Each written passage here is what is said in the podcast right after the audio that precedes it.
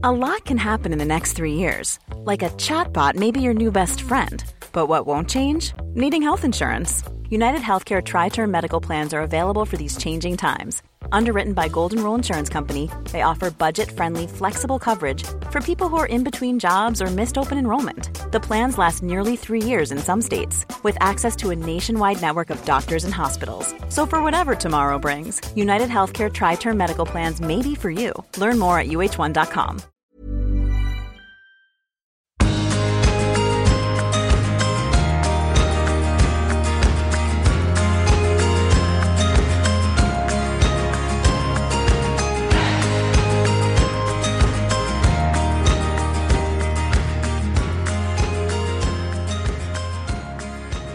Hjertelig velkommen inn til Du er unik-podden. Jeg er Unni, og i dag så har jeg med meg ei kjempespennende dame inni hula mi. Og hun dama her har jeg visst om eh, i mange år, siden 80-tallet faktisk. Men jeg har aldri kjent henne.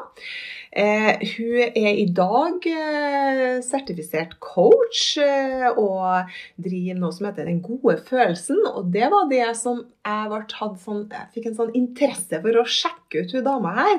Hvem hun er, pluss at hun responderte på denne podkasten. Da, og da så fikk vi kontakt på meldinga. Og eh, Tove Henriksen, hjertelig velkommen inn til meg. Tusen takk, Unni. Så koselig å kan være her. Ja. og, og, det er jo sånn, det starta jo med noen meldinger, at du skrøt av poden, og, og, så, og så tenkte jeg Tove, ja, hva gjør hun på? Og så begynner jeg å se at du har utdannet deg som coach og driver noe som heter Den gode følelsen. Og tenkte jeg, jeg og du, vi har jo så mye gode verdier sammen og vi felles liksom fronter, da. Mm. At vi, vi må bare ha en prat. Så nå er vi her, da. Ja. Ja. Bra. Og du er født eh, i mai 65, stemmer ikke det? Det stemmer. Og så gift. Ja. Tre barn. Ja. ja. Og, eh, og jeg tror jeg telte sju barnebarn. Det stemmer, vet du. Ja. Det er jo helt fantastisk. Ja Det er fantastisk. Barnebarn er, ja, er helt nydelig. Ja. Så, så, så langt, liksom. Men hvem er du egentlig, da, Tove? Ja, egentlig. Hvis jeg skal si det litt filosofisk, så er jeg, er jeg på mitt eh, beste når jeg ikke tenker. Eh, jeg bruker å presentere meg når jeg har foredrag og sånn om ja, at jeg er 57, at jeg har eh, tre barn, har vært gift i 34 år og har sju barnebarn. og Jeg har jobba nesten 20 år i bank, og jeg har jobba i toppidretten og holdt på med idrett eh, i hele mitt liv. Jeg, ja, jeg har eh, ja, jeg er ofte veldig glad. Mm. Gladjente. Gladjente, det er jeg. Men samtidig så er jeg som alle andre, har jeg mine hvor jeg er både irritert og forbanna og lei meg. og en følsom person, da. Mm -hmm.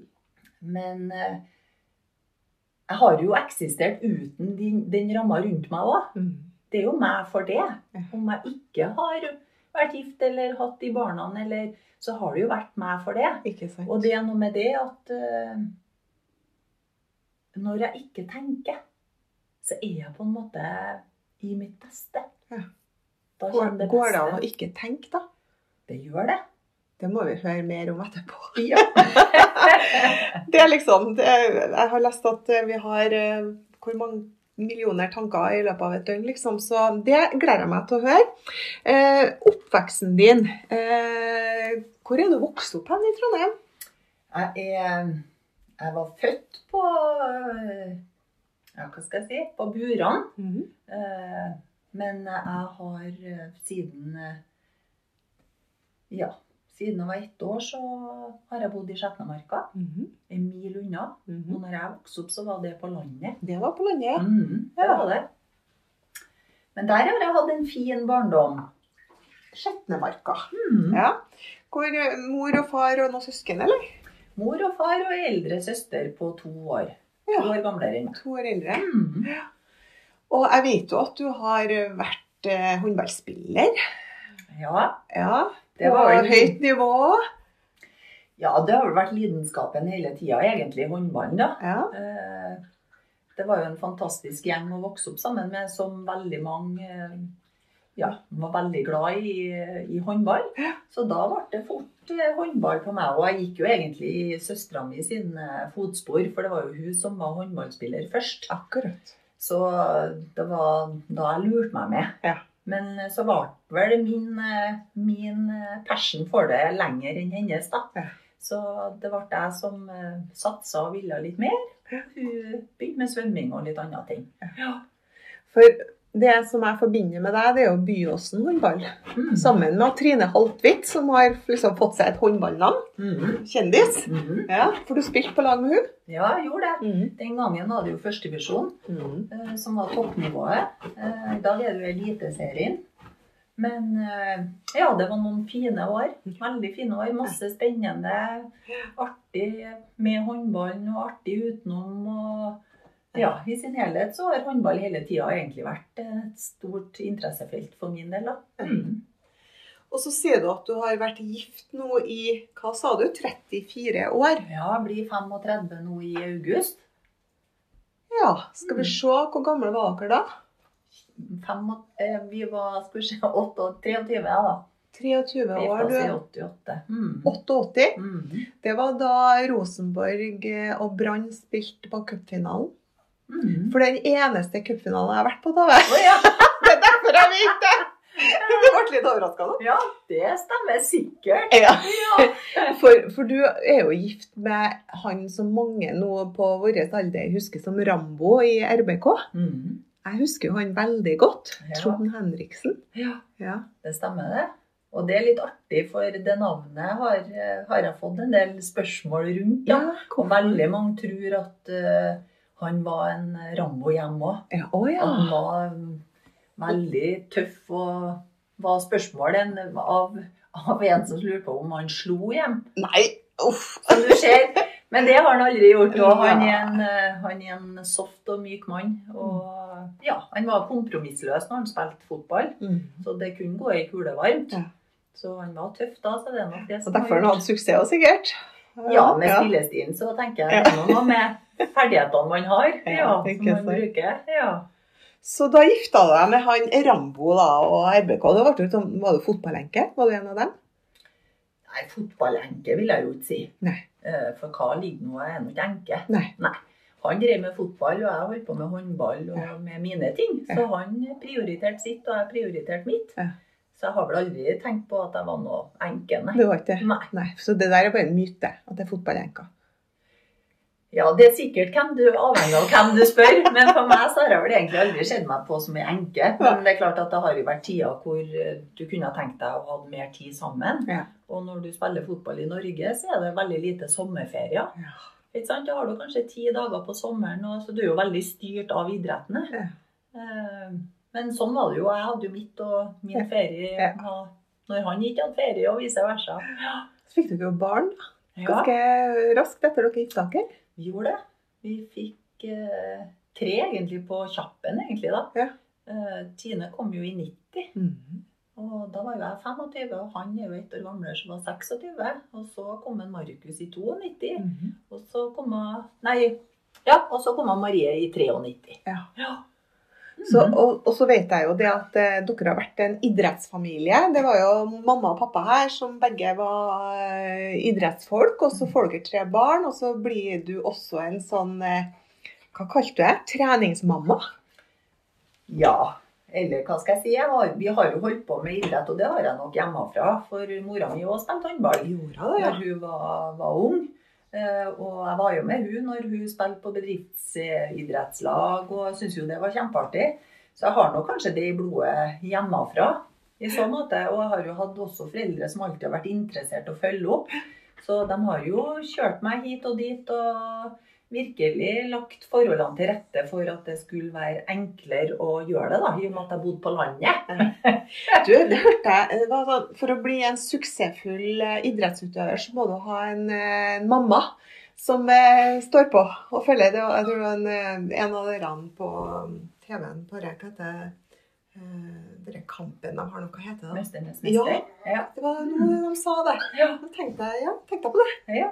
Nei da, for, for noen så er det sikkert det òg, men heldigvis er det håp for alle. Ja. Selv om ikke- om de verken har mor eller far, eller om de ikke har foreldre som er ivrige. Og det er jo det som gjør det unike og det spennende med idretten, er jo det at hvis man vil nok, som ellers i livet òg, så er det utrolig hvordan man får det til å løse det. Ja. For Mari hun gikk for drømmen sin eh, sånn som mamma på håndball. Ja, Marie, ja. Marie, Mm -hmm. ja. Marie gjorde det. Og Mm. Tine òg spilte jo i, i, i mange år. Gjorde det, ja. Ja, og begge gjorde det jo bra i forhold til sin alder og i forhold til sitt. Men ja. det ble nå sånn at da Tine hun syntes nå det var litt artig med litt andre ting òg. Så hun ønska kanskje ikke å bruke like mye tid Nei. på idretten og håndballen så- som Marie gjorde. Og da ble det vel naturlig, naturlige veier, da. Ja. Sånn sett. Ja. Mhm. Og, og så har du han Markus, da, som eh, gikk til pappas fotspor da, med fotball. Ja. Da ble det fotball på han. Ja. Så, og det er jo noen artige historier med det, fordi at eh, Jeg husker jo Trond når at eh, han Markus kom, og var tre-fire år kanskje. Ja, kanskje var han litt gamlere, da. Fire-fem år. Men han var ikke sånn lidenskapelig, han Markus, da i fotball. Han syntes jo det var artig med mye annet òg. Ja. Så han var jo mye på Vi bodde jo nedom festningen, og der hadde vi jo stor gressplen, så vi holdt på å spille, og der hadde de jo rigga til fotballbane og kalt det Wembley og ja. ja. Og da husker jeg en gang han Markus holdt på og plukka litt i gresset og kikka litt på stjernene og gjorde litt andre ting enn å spille fotball. Og da var han litt frustrert, faren, og da sa han det at nei, blir aldri noen fotballspiller av han der, nei. Sa han det? Sa han. Men eh, så feil kan en ta, og da Det var vel ikke så seriøst ment, da. Men eh, for det er jo som jeg sa, at han er litt ung ennå. Det kan, eh, kan- snu. For Markus Henriksen er jo et kjent navn eh, i fotballverdenen for dem som følger med. Ja da, i Trondheim så er han i hvert fall det. Han, mm. han har jo spilt eh, siden han var liten. Ja. Eh, Og han har jo hatt fin utvikling og ja, vært heldig og fått leve litt av drømmen og vært i utlandet og proff. Og lever jo fortsatt av drømmen sin, men nå kom hjem til Rosenborg, så ja.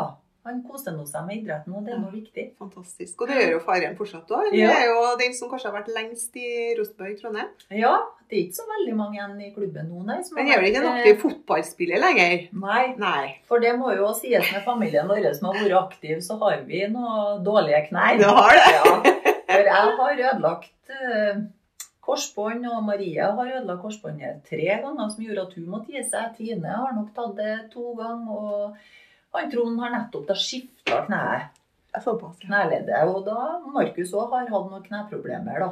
Ikke så voldsomme som resten har, men eh, det er litt sånn knefamilie, da. Knefamilie, ja. Ja. det var, ja. Og det er jo prisen en må betale for eh, toppidretten òg. Det er jo hard belastning og Ja. Ja.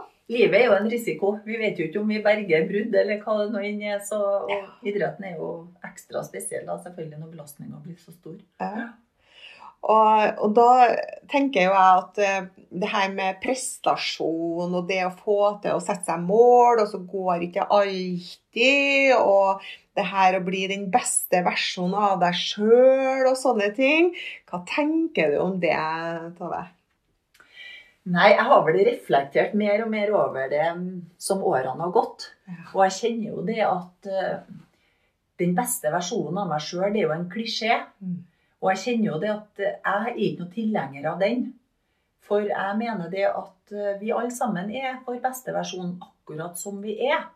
Akkurat her og nå. Gode nok som vi er? Vi er gode nok, og det handler jo om på en måte beste versjonen er for meg hardt arbeid og slit. Mm. Og livet er jo ikke sånn. Eh, Det å være den beste versjonen er jo egentlig det samme som eh, en god sjølfølelse. Eh, Og hvis man hele tida skal jage etter å bli den beste versjonen, så blir jo livet en kamp. Mm. Det blir jo et slit. At du skal sette deg hårete mål, du skal drømme, du skal være visjonær, du skal jobbe knallhardt for å nå målene dine. For igjen, når du har nådd dem, så skal du sette nye mål. Mm. Og ingen forkleinelse. Jeg er for mål, og jeg sier at du Det er ikke det. Jeg syns det er kjempebra å ha mål og, og nå dem og jobbe for å nå dem. Men det har ikke noe med å være den beste versjonen av deg sjøl. Mm. For vi alle sammen er vel opptatt av å ha et godt liv. Og vi gjør så godt vi kan i det store og hele. Eh, Og da er vi den beste versjonen av oss sjøl. Mm. Har du hatt med det hele livet, eller er det noe som du fant ut plutselig? For jeg tenker, Du har jo vært den jenta som sikkert har pusha, og du skulle prestere sjøl på håndballbanen. Ja, da har jo hatt mine mål. Jeg òg har jobba for å nå målene og for å utvikle meg og se hvor god jeg kunne bli. Men jeg kan ikke huske på at det da var så mye snakk om det. Det kan jo ha noe med alderen og modenheten å gjøre. Eh, Så det var nok ikke så mye snakk om den beste versjonen. Det er vel noe som har kommet i de senere årene. Og i Mm. hvert fall som jeg har blitt mer klar over og mer bevisst. da. Og jeg syns på en måte at det, det er greit å sette seg mål og ha ambisjoner og nå det og ha drømmer. og Det syns jeg er fantastisk. Men eh, for meg så handler det mer om det jeg ønsker, og det at det skal være lystbetont. Og for når ting gir mening, og du har glede med det, så Presterer du? presterer du. Og da er det ikke nødvendigvis hardt arbeid. Du kan jobbe mye, Mm. og selvfølgelig kan det være opp- og, og nedturer der òg. Mm. Dager som er litt tyngre enn andre, men det er ikke hardt arbeid. Nei. Det er litt sånn som med toppidrettsutøvere og det. Eh, Og der husker jeg Hørten Warholm ble intervjua etter at han vant eh, VM 400 meter hekk. Så var det, ble spurt om det. Ja, du har vel måttet ofre mye for å komme dit du er? Og da sier han det. Vet du, jeg har ikke ofra noe. Jeg har prioritert. Ja.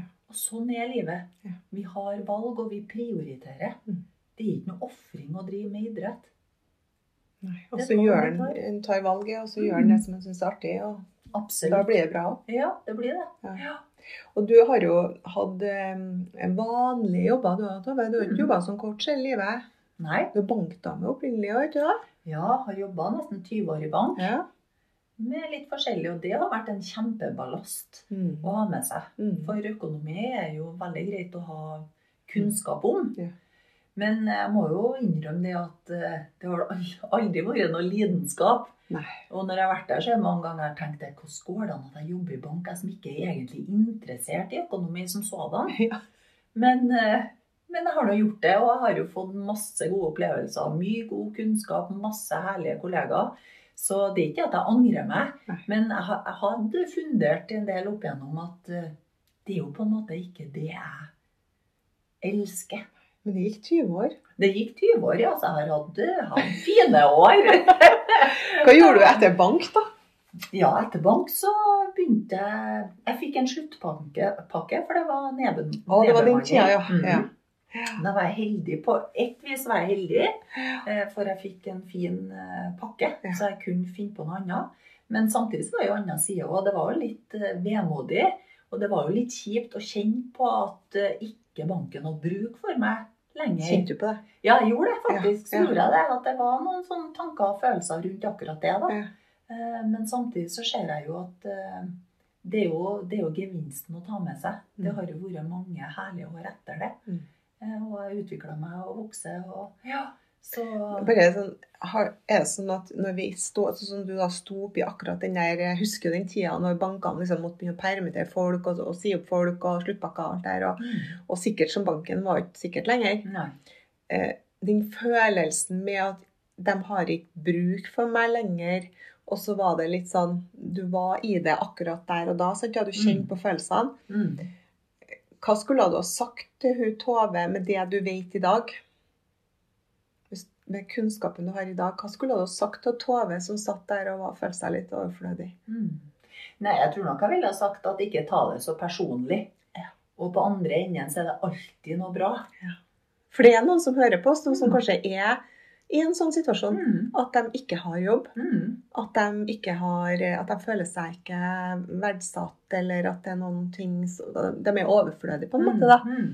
Mm. Og, og den følelsen, da. Mm. Da er det et godt råd å ikke ta det personlig. da. Ja, absolutt. Altså, det har nå vært ved, all, ved alle tider så har det jo vært eh, svingninger i næringslivet i forhold til marked, og det er firma som har gått konkurs. Og, eh, og det er jo én ting, altså så lenge jeg vet at jeg har gjort så godt jeg kan, så kan ikke jeg gjøre noe mer. Nei. Og hvis eh, bedriften ikke har behov for min kompetanse, Ja. så har nå jeg noen nye valg. Ja. Jeg kan jo tilegne meg den kompetansen, eller jeg kan se etter noe annet. Ja. Eh, Sånn at det er ikke personlig.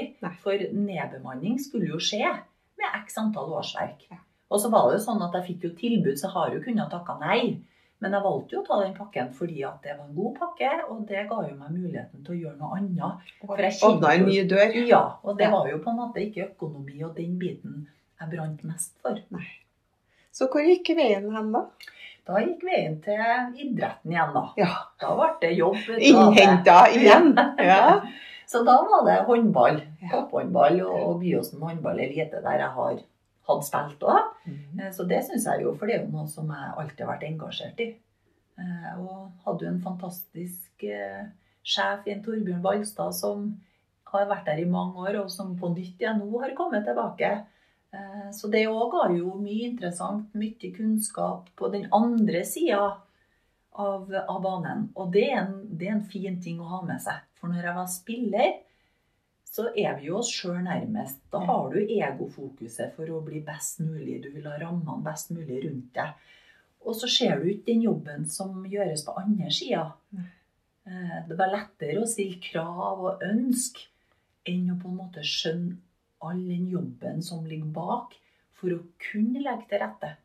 Du hadde ikke noe fugleperspektiv Nei. som spiller, liksom. Du tenker ikke på det, i hvert fall. Nei, nei. Hvis jeg diskuterte, så har jeg nok helt sikkert skjønt det. Mm. Men, men det er ikke det du går og tenker på, det er jo ikke det du skal tenke på heller. Men det å ha det perspektivet innimellom det gjør at du skjønner litt alle rundt et team, hvordan de jobber, og at de gjør sitt beste, og at det er en grunn for det meste. da. Du, du sier at alle gjør sitt beste. Mm. Ja, og det, det er på en måte et utsagn som er kanskje ikke like lett å se. Det gjorde ikke jeg sjøl heller. Mm. Men i et større perspektiv Mm.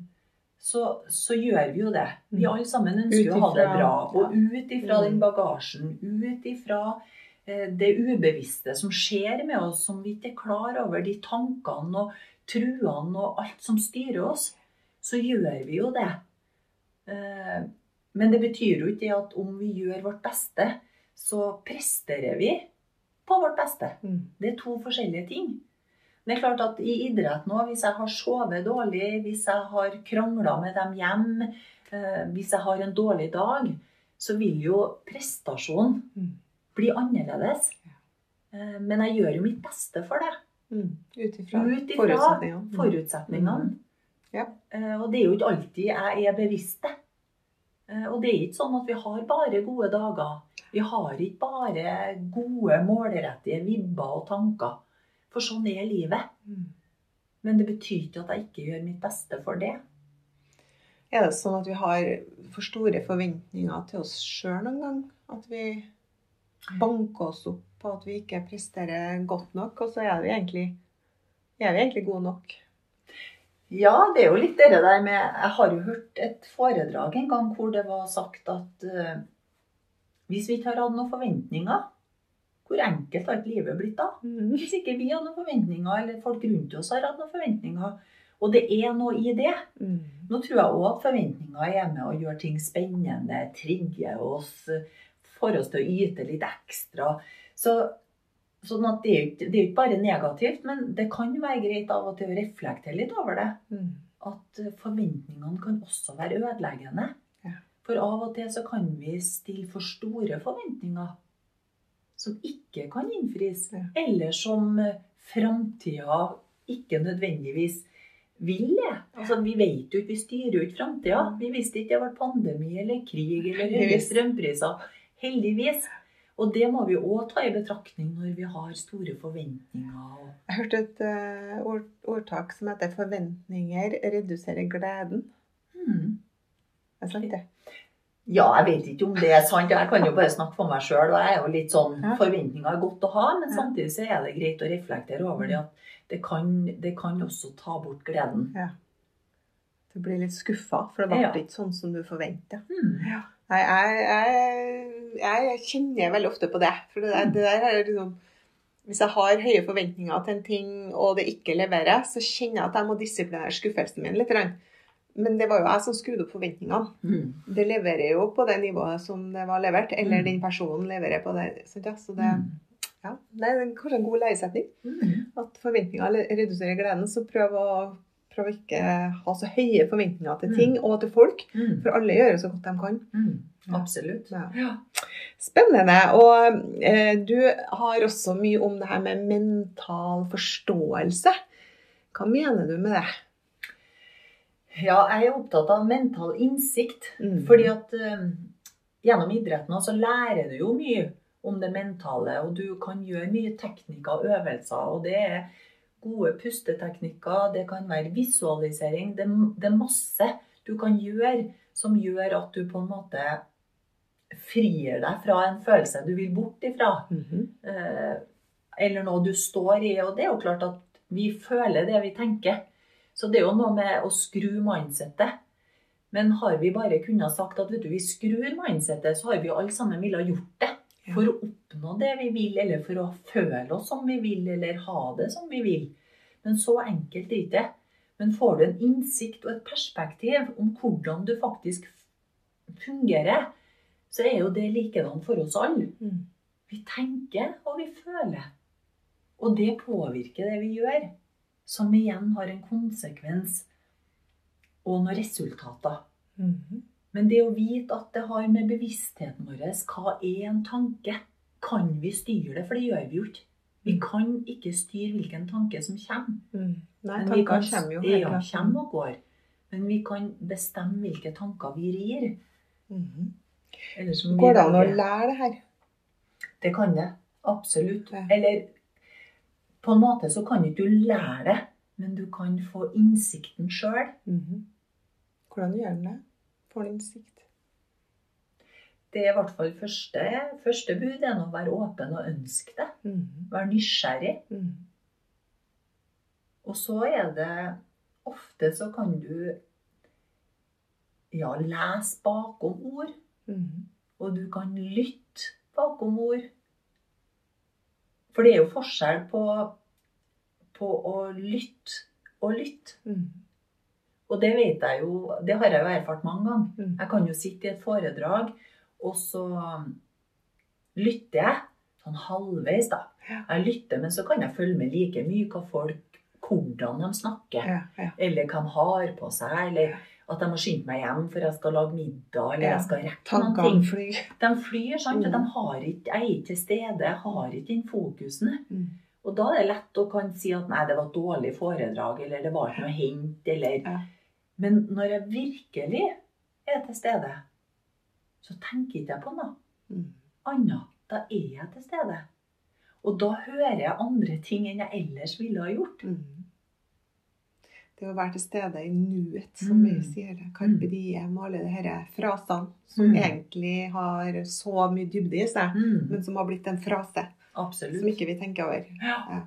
Ja, det det syns jeg er en fin ting, og det å på en måte Være til stede være til stede. Mm.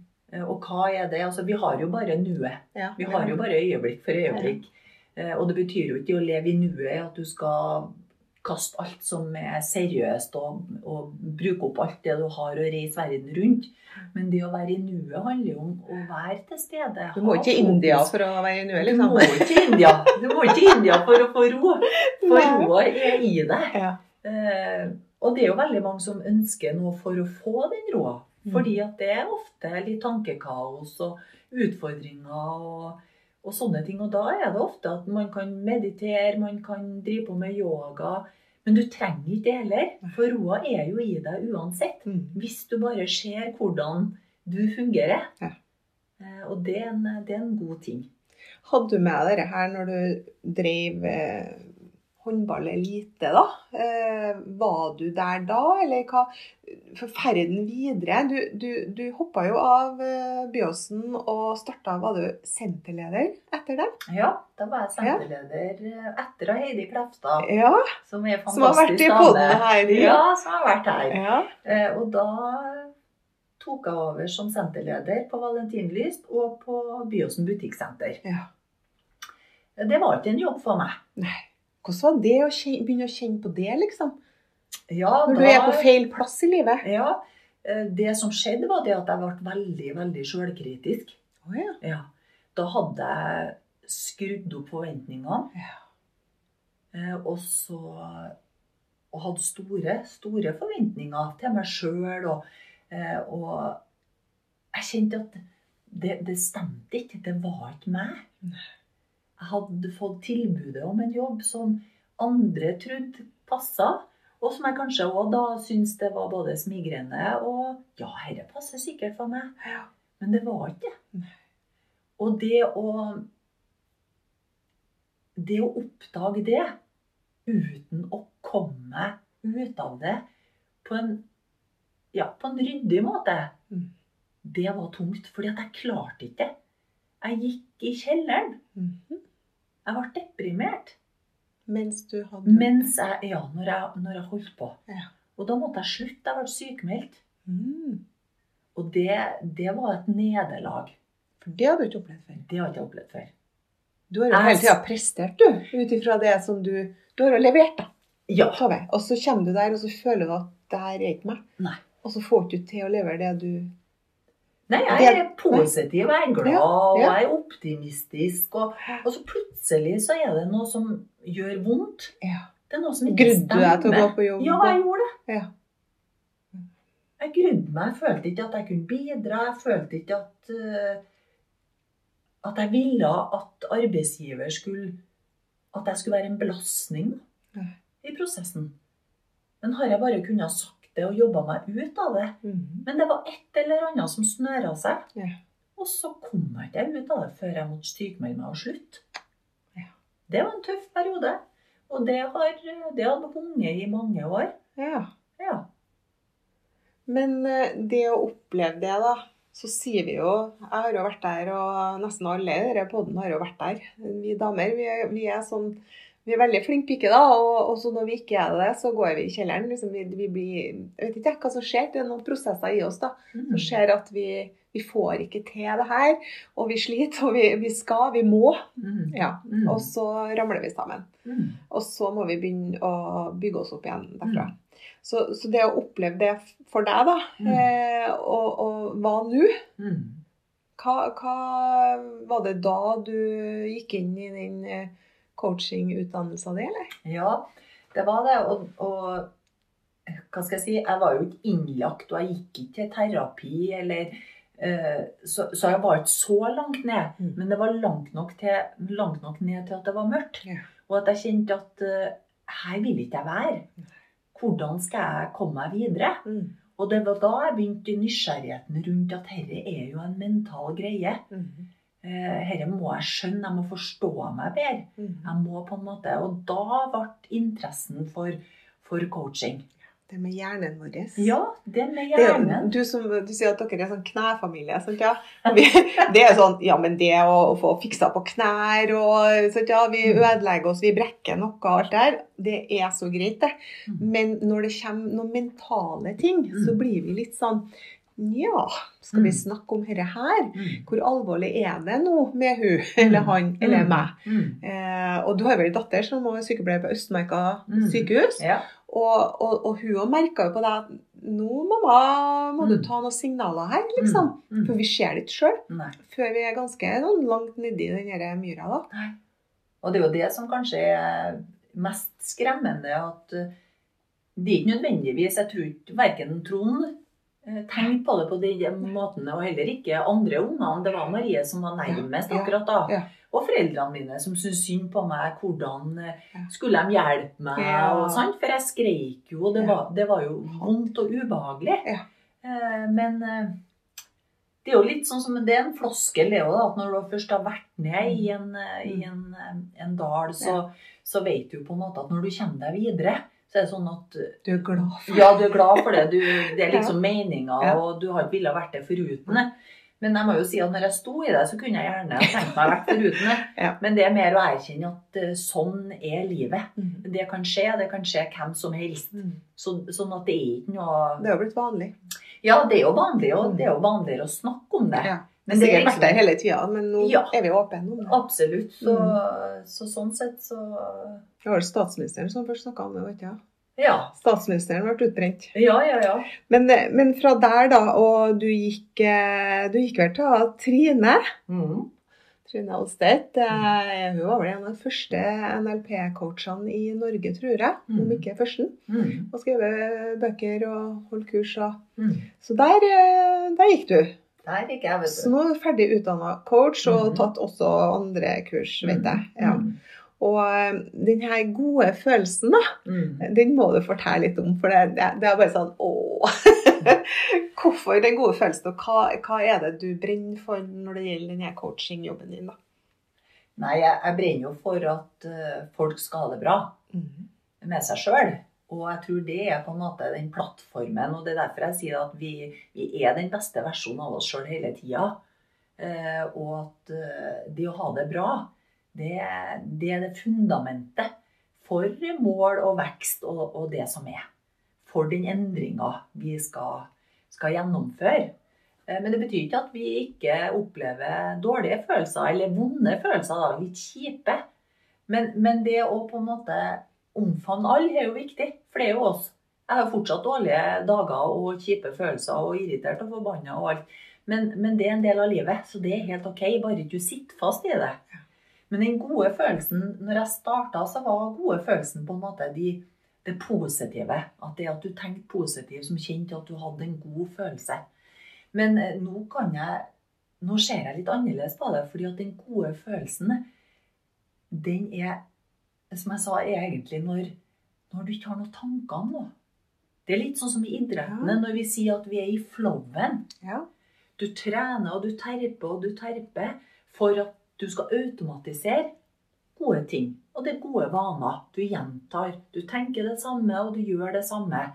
Og sånn er det litt i forhold til akkurat det. Da er du flowen. Da tenker ikke du.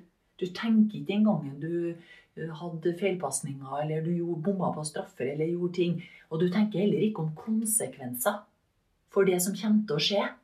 Hva kan det bli? Vinner vi? Eh, Bare hvis? Da er du 100% til stede. Du har ingen tanker. Fordi om du har tanker, men du lar dem, eh, du lar dem fly Ja. For Sånn skyene på himmelen. Ja. Mm. så du, så du er til stede med det du, du gjør. Og, og det er litt det samme som når vi snakker om at hold hodet kaldt og hjertet varmt. Da har du òg på en måte en sånn ro. Mm. Da, da tenker ikke du på det som har skjedd før, eller konsekvensene av det. Men du har den roen som gjør at du gjør så godt du kan i den kritiske situasjonen. Mm. Tilstedeværelse. Tilstedeværelse. Mm. Du lar ikke tankene ta overhånd. Det det er ikke kaoset. Men du har den roa. Hvordan skal han komme dit, da? Nei, jeg tror nok at det er mange, mange måter å komme dit på. Mm. Og jeg tror ingen er der bestandig. Men bevisstgjøring rundt det, Mm. det å ha innsikt i hvordan vi fungerer og hva som skjer, Mm. tror jeg er et veldig godt utgangspunkt. Mm. Og noen ser det at eh, løsen er å tilegne seg teknikker Mm. og måter å gjør ting som forstyrrer de tankene du ikke vil ha. Mm. eh, På en måte som får deg til å ha et annet fokus. Når det kommer fokus. sånn ubehagelig, sånn vondt i Mm. magen-tanke, Mm. og så lærer seg å overskygge det da, med positive, gode tanker. Ja, altså For min del så er det sånn hvis jeg får kjipe tanker, så bare Når jeg er bevisst det, Mm. Så vet jeg jo at det er jeg sjøl, at det er mine tanker Ja. som gjør det her, og jeg vet at det er Du skaper det forbigående. sjøl, på en Ja, jeg skaper det sjøl. Mm. Og jeg vet at tankene kommer og går. Ja. Og det syns jeg er et veldig godt fundament. Mm. Men så er det nå en erkjennelse om at vi er jo ikke alltid bevisst. Mm. Fordi at det er så mye vi skal være bevisst, så av og til så er det noe ubevisst. Ubevisste tanker som styrer det. Mm. Som vipper, vipper det av pinnen. Mm. Men ikke ha så mye fokus på, på tankene, Mm. som er så kjipe. For de går jo over. Ja, Noen ganger går de kjempefort over. Ja, og noen ganger tar det litt lengre tid. Ja. Men det er helt greit. Mm. Men de går over. Mm. Mm. Ja. Og hvis en har trygghet på det, Mm.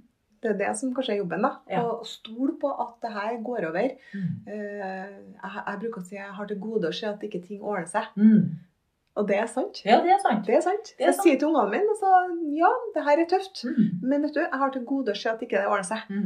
Så det går bra. Og det er nok det som er kanskje nøkkelen, og det å ha tillit Tillit, til at ting ordner seg. Mm. Du kan stå i stormen, det kan være forferdelig, det kan kjennes helt grusomt ut, Mm. men det går over. Ja. Alle stormer legger seg. Det gjør det. Når det stormer som verst Mm. eh, rundt oss, og sånn, så vet vi at det, det går over. Mm. Det er ille Ja. når eh, alt flytter på seg utafor til deg, Mm. og det kanskje går ei rute varmt. Mm. Men det går over. Ja. Så det er akkurat samme med livet òg. Ja, det er det. Mm. Og det viktigste er på en måte det å ikke tenke at eh, du skal være en annen plass. Ja. For du er akkurat der du er. Du kjenner på det akkurat det du gjør, Mm. og opplever det. Men, eh, men du vet at det går over. Mm. Og ikke gi så mye næring til det som er ubehagelig. Mm. Hva med selvfølelse? Hvordan vi har det inni oss kontra selvtillit? Ja, det som eh, Første gangen jeg hørte og virkelig reflekterte over det, det var Nils Arne Eggen. Som, eh, som en gang sa det at selvfølelse er noe vi har fordi at vi er. Mens selvtillit er noe vi får fordi at vi øver og presterer. Mm. Og jeg husker den tenkte jeg mye på. For det er så sant. Mm. Og det er det samme med din beste versjon av deg sjøl. Mm. Du er din beste versjon av deg sjøl. Det er sjølfølelse fordi at du er den du er. Men selvfølgelig så er selvtillit at når du gjør ting oftere, du øver deg på ting, så, så skjønner du at om du er nervøs eller redd for det, eller konsekvenser, så vet du at det går over. Ja. Og nå, det mer du øver, det bedre blir du. Ja, Det mer du trener, det bedre blir du. sånn er det. Ja, da får du sjøltillit på å skåre mål, da, hvis det er han fotballspilleren. Eller Absolutt. håndballspilleren. Ja. Men samtidig så er det òg en viktig ting å se at det kan virke som at den linken er tettere enn man kanskje har trodd. I hvert fall sånn som jeg har trodd. Mm. Fordi at ofte er det hvis at sjøltilliten Hvis du ikke mestrer, opplever sjøl og ikke mestrer på mange områder, at du tenker det, Mm. at det er feil du gjør, Mm. så er det så lett for at det knyttes opp imot deg sjøl som person. Ja. At du blir kritisk. mister motet. Ja. Mister, ja. Mm. At du blir litt eh, destruktiv, og, Mm. og på en måte at det svekker selvfølelsen. Og det er jo skummelt. Begynner å tenke jeg er ikke god nok. Mm.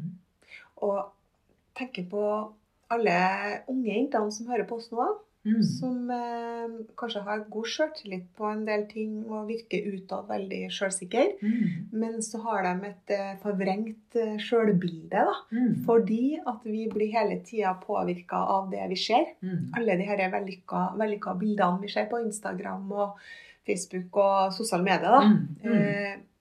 Mm. Mm. Hva kan vi gjøre, og hva kan vi si vi da som har blitt godt voksen og er mamma til jenter og sånn som Hva kan vi si til dem? Ja, hva vi kan si til dem? Det er nå én ting som er, og det er at vi, vi alle sammen er perfekt uperfekt. Ja. Og det er akkurat det der med bildet med at eh, vi gjør så godt vi kan. Når vi gjør så godt vi kan, så kan vi ikke gjøre noe bedre. Og det gjelder oss alle. Ja. Sånn er livet. Mm. Og det å skjønne at det Ja. Hvis du har noen rundt deg, i hvert fall, så tror jeg det, at det er ubetinga kjærlighet som skal til. da, For å vite det. Det har ikke noe med prestasjon å gjøre. Mm. Det har ikke noe med, altså, du er, Jeg er like glad i ungene mine for det. Uansett hva som har skjedd dem, Mm. så jeg er like glad i dem. Mm. Det handler ikke om hva de har, hva de eier, hva de har gjort. For det som treffer meg, det som treffer hjertet mitt, det handler ikke om det i hele tatt.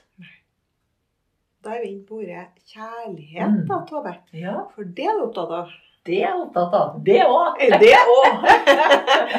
og, og jeg bruker å si at vi styres av to ting, og det er frykt og det er kjærlighet. Ja. Og vi har snakka en del om frykt i poden her, for det har vært så mye frykt. Mm. Eh, media er jo veldig god på å skape frykt hos oss. Mm. Eh, vi blir jo livredde. Mm. Vi, har, studert krigen og noe covid. Alle de mm, tallene som kom i avisa hver gang vi gikk inn på Adressa eller VG. Mm. Ja, nå er så mange syke, og nå er så mange innlagt, og nå er så mange døde. Mm.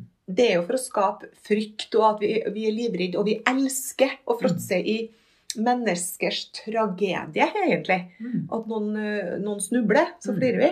Mm. For å si det litt sånn direkte. Mm. Men den andre biten syns jeg vi skal snakke litt om, og det er kjærlighet. Hva betyr det? Kjærlighet er så herlig, det. Jeg kjenner det bare jeg snakker om Ja, det blir sånn Ja. Og så ser du, ser du rosa-rødt. Jeg ser rosa og rødt da, når jeg tenker kjærlighet. Jeg bruker å si jeg ser, ser eh, verden gjennom rosa briller noen ganger. For jeg ønsker å se det beste. Ja. Ja. Mm. Men hva er kjærlighet? Nei, kjærlighet eh, for meg er jo på en måte at eh, det er jo ubetinga kjærlighet. Det er jo lett for å knytte opp imot at du er glad i ungene dine. Du feirer ofte størst av alt i kjærligheten når du har årsjubileum i bryllup. Ja. For eksempel, Når du gifter deg, så Når er du det- gifter deg, så er det sant? Men og da er det størst av alt er kjærligheten. Ja. ja. Eh, Den sier jo ikke noe om det du gjør, eller Nei. det du har, eller Kjærligheten er der alltid. Eh, Og det er en god ting å kjenne på. Den er så sterk. Eh, Den kan aldri forsvinne. Det er bare at vi kan tenke oss bort ifra den. Er det et bånd? Jeg vet da søtten. jeg. Kjærlighetsbånd? Kjærlighet mellom mennesker. Og kjærlighet til livet, kjærlighet til ting. Kjærlighet til Gud er det noen som snakker om. Mm. Kjærlighet til. Mm. Kjærlighet er jo så mye. Det er jo mellom dem som er gift, ja. Mm. Eller kjærestene. Mm. Men også mamma, barn, far, barn. Mm. Så er venner. Mm. Ja, kjærligheten favner jo egentlig alt. Ja. Den gjør det. Eh, Den, eh, den er overalt og kan være overalt. Har kjærlighet til jobben, til, Mm. til alt som du sier. Mhm. Og så er det noe som fører oss fra det. Det er på en måte det vi tenker om det. Mm. Det vi tenker om andre, om oss sjøl, om jobben. Mm. Eh, Vi kan tenke oss bort fra det. Mm. Men når vi ikke tenker, så er det til stede. Tilstedeværelse igjen, da. Og det er jo litt sånn som vi sier at når du blir forelska, så er jo det en følelse. Det, det er kjærlighet. Ja. Og da tenker ikke jeg begjæret, men da tenker jeg liksom du er forelska. Mm. En, en følelse. Og, og da, da har du Du sitter ikke og sier at nei, jeg skal ikke bli forelska fordi at uh, han er ikke sånn som jeg vil ha. Han er ikke sånn, Man mangler det. Du styrer ikke. Du styrer ikke. Det er noe som treffer deg. Mm. Amor. Ja, sant? Og det betyr at den kjærligheten, den er i deg. Mm. Vi har alle kjærlighet. Vi har det. Mm. Vi må bare Bruke. den. Mm. Og jeg tror det at når, når vi ser oss sjøl, at vi gjør så godt vi kan, vi er opptatt av å ha det bra, og forstå at alle sammen er akkurat likedan. Mm. Ingen er perfekt. Vi gjør jo uperfekte ting, Mm. men vi gjør så godt vi kan. Når vi ser litt bak det, så får du en annen toleranse. Du får en helt annen respekt. Til du, Du ser deg sjøl i et annet lys, og da ser du andre i det andre lyset òg. Aksept. Ja, aksept. Det er også å bry seg på en positiv måte. Da. Mm. Og at eh, jeg er glad i deg selv om du er en skikkelig drittunge akkurat nå. Mm. Men jeg er glad jeg. Mm. Selv om vi har krangla akkurat nå, Ja. så er det kjærlighet. Ja. ja, det som er idretten, Ja. og, og som du kan si at du må ta ballen Mm. og ikke mannen. Ja. Og det er noe med det. Ja. At du kan være uenig, selvfølgelig. Du, kan, du trenger ikke å like det som, som er gjort. Sak Eller det som er sagt. Mm. Du må skille mellom det. Mm. Fordi at det hender seg at ikke du har helt kontroll òg. Mm. Det kan være tankekaos, du kan ha dårlige dager. Du kan si ting, du kan gjøre ting Mm. som, som påvirker andre. Men jeg kan bare ta ansvar for det jeg tenker, føler og sier. Ja. Av og til så skjer det feil fordi at det er tankekaos. Da kan jeg si unnskyld. Mm. Ja, det er viktig. Jeg mente ikke sånn. Ja, ja. Det bare kom. Ja, og sånn skjer det med andre òg. Mm. Men jeg kan velge Hvis du sier noe som, som er Som umiddelbart kan såre Når jeg blir bevisst det, så kan jeg tenke at det er det du mener. Mm. Og tenke det kan ikke jeg. Jeg kan ikke styre det du tenker og mener. Men jeg kan styre hvordan jeg forholder meg til det. Ja, hvordan du tar det. Ja. Ikke hva som skjer med deg, men hvordan du tar det. ja. Og ikke ta det personlig. Mm. For det er jo Hvis jeg sier til deg 'Å, du er så fin, Tove', Mm. så er jo det min følelse. ja. Det er det, Det definerer ikke deg. Det er Nei. akkurat det jeg tenker. Mm. Og jeg kan si 'Du er så fæl, du, Tove'. Mm. Så er også det min tanke Mm. og min følelse. Absolutt. Og det å lære seg å ikke ta ting personlig Mm. Og det er litt sånn Ja, og det er litt sånn med sykdom òg, at en skal identifisere seg med Du er jo ikke sykdommen Nei. du har. Jeg plagdes med migrene i, i hele livet. Ja. Ikke daglig, men jeg har hatt det, og det har vært tøft. Mm. Eh, Og jeg fikk her for noen år siden et epileptisk anfall, Oi. som ikke er like vanlig når du har fylt 50. Nei. Jeg var borte i 45 minutter uten bevissthet. For meg har det ikke vært noe problem. Altså, jeg var jo ikke bevisst. Nei, Så jeg har ikke noe traumer rundt det. Nei. Men for dattera mi som eh, var der, så opplevde jo hun det veldig traumatisk. Men det betyr jo ikke at jeg er epileptiker, eller at jeg er en migrene. Altså, det er noe jeg har, har hatt. Det, Men det, ikke definerer ikke det det. definerer ikke meg. Nei. Og heller ikke det andre jeg har gjort. Det definerer ikke meg. Det har vært hendelser og opplevelser. Men det er ikke meg. Så hvis en går rundt og har en kronisk sykdom og lar deg definere av en, Mm. så blir du den sykdommen, da. Ja, og da er det fort at man uskyldig blir et offer, da. Mm. Og når du er et offer, så får du ikke det livet som du ønsker deg. For du ønsker jo å ha det bra. Alle ønsker jo det. Ja. Og, og, og så er det mange som ikke har det bra, som ikke skjønner hvorfor de ikke har det bra. Og da er jo dette essensen, da. Mm. Absolutt. Men, men samtidig så gjør de så godt de kan, fordi at de har ikke nødvendigvis den innsikten. De tenker ikke, de har ikke eh, det perspektivet. Ja, Kanskje aldri lært eller Aldri det. tenkt, nei. Nei. Nei, Det er bare sånn de er. Mm. De tror på, Det er jo det som er litt fascinerende. Vi tror på de tankene vi har. De som er konspiratoriske, som lager seg historier, er Mm. fantasifulle, de tror jo på det. Det er jo en sannhet for dem. Ja. Jeg og søstera mi husker jeg, når vi var små, så krangla vi så, så det føyk rundt seg. Mm. Da var det det var et par sjokker og hummelsokker vi krangla om. Og tanta mi var der, og vi krangla, vi slo, vi ble neseblå. Hun var jo helt rysta. Er det mulig? Men vi gjorde det. Men vi reagerer forskjellig Mm. på det. Søstera mi kan være sint, og jeg kan bli lei meg. Faren min kunne kjefte på oss hvis vi gjorde ting som ja, han ikke var fornøyd med. da. Og hun kunne stå imot og, og, og kjefte tilbake. Mens jeg trakk meg unna. Akkurat samme opplevelsen. Mm. Men vi reagerer forskjellig. Og så er jo det å få kunnskap da, Tove, med, og det er derfor denne podden har kommet til live òg, tror jeg. For at det, alle som hører på deg nå, lærer jo noe fra deg med det du forteller, og kanskje første gangen de hører akkurat dette her. Mm. Og tenker, og da er det sånn, gå inn i deg sjøl, og ikke bare sånn som du sier når vi hører på noe, Mm. så tenker vi på klesvasken hjem, eller nei, nå skal jeg dit og sånn. Men hvis du sitter og hører på podden her nå, så hør. Mm. Og så tenk, hvordan er det her i mitt liv? Mm. For hvis det, det ligger en bunke bøker her, men hvis jeg da leser en bok og tenker dette er kjempesmart, Mm. men så bare leser jeg jeg leser den ferdig, og så legger jeg den fra meg, så tar jeg en ny bok. Mm. Og så, å ja, det er også smart. Men Mm. hvis jeg ikke integrerer det, hvis jeg ikke tar det inn, Mm. så lærer jeg jo aldri noe. Jeg må jo praktisere òg. Ja. Og, og det du snakker om tilstedeværelse, det å være i ro, Mm. og bruke naturen. Mm. Jeg vet du er veldig glad i naturen. Mm. Der får du ro. Mm. Så, så kanskje et tips da, at alt du hører nå, så reflekter. Mm. Gå en plass der du får være i ro. Mm. Ta inn, om det er naturen, inn på et rom, steng deg inn, eh, ha på deg øreklokka, whatever, Mm. og gå innover. Mm. For alle svarene er jo inni oss. Mm. Ja, de er det. Og så er det litt, det er jo forskjell på læring og visdom i utgangspunktet. fordi at eh, læring er jo noe vi får utenfra.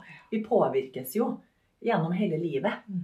Eh, og det er klart at det tar vi jo til oss, og det kan jo være på godt og vondt, naturligvis. Men, men vi lærer jo av andre, enten du er familie, eh, hvor det nå enn er, skole, studier, altså all kunnskap vi tilegner oss. Men visdom er jo på en måte noe som er litt mer iboende i oss. Eh, på mange måter så kan det oppleves som en erfaring, da. At du må være i det. Du må kjenne hvordan ting fungerer før du skjønner det. Mm. Folk kan si at ja, jeg kan forstå det, men du kan ikke forstå det Nei. før du har på en måte vært i det. Mm. Og det er noe med det, det er den egne innsikten og den visdommen som du har, da. For det er lett å si at du må skifte mindset. Ja.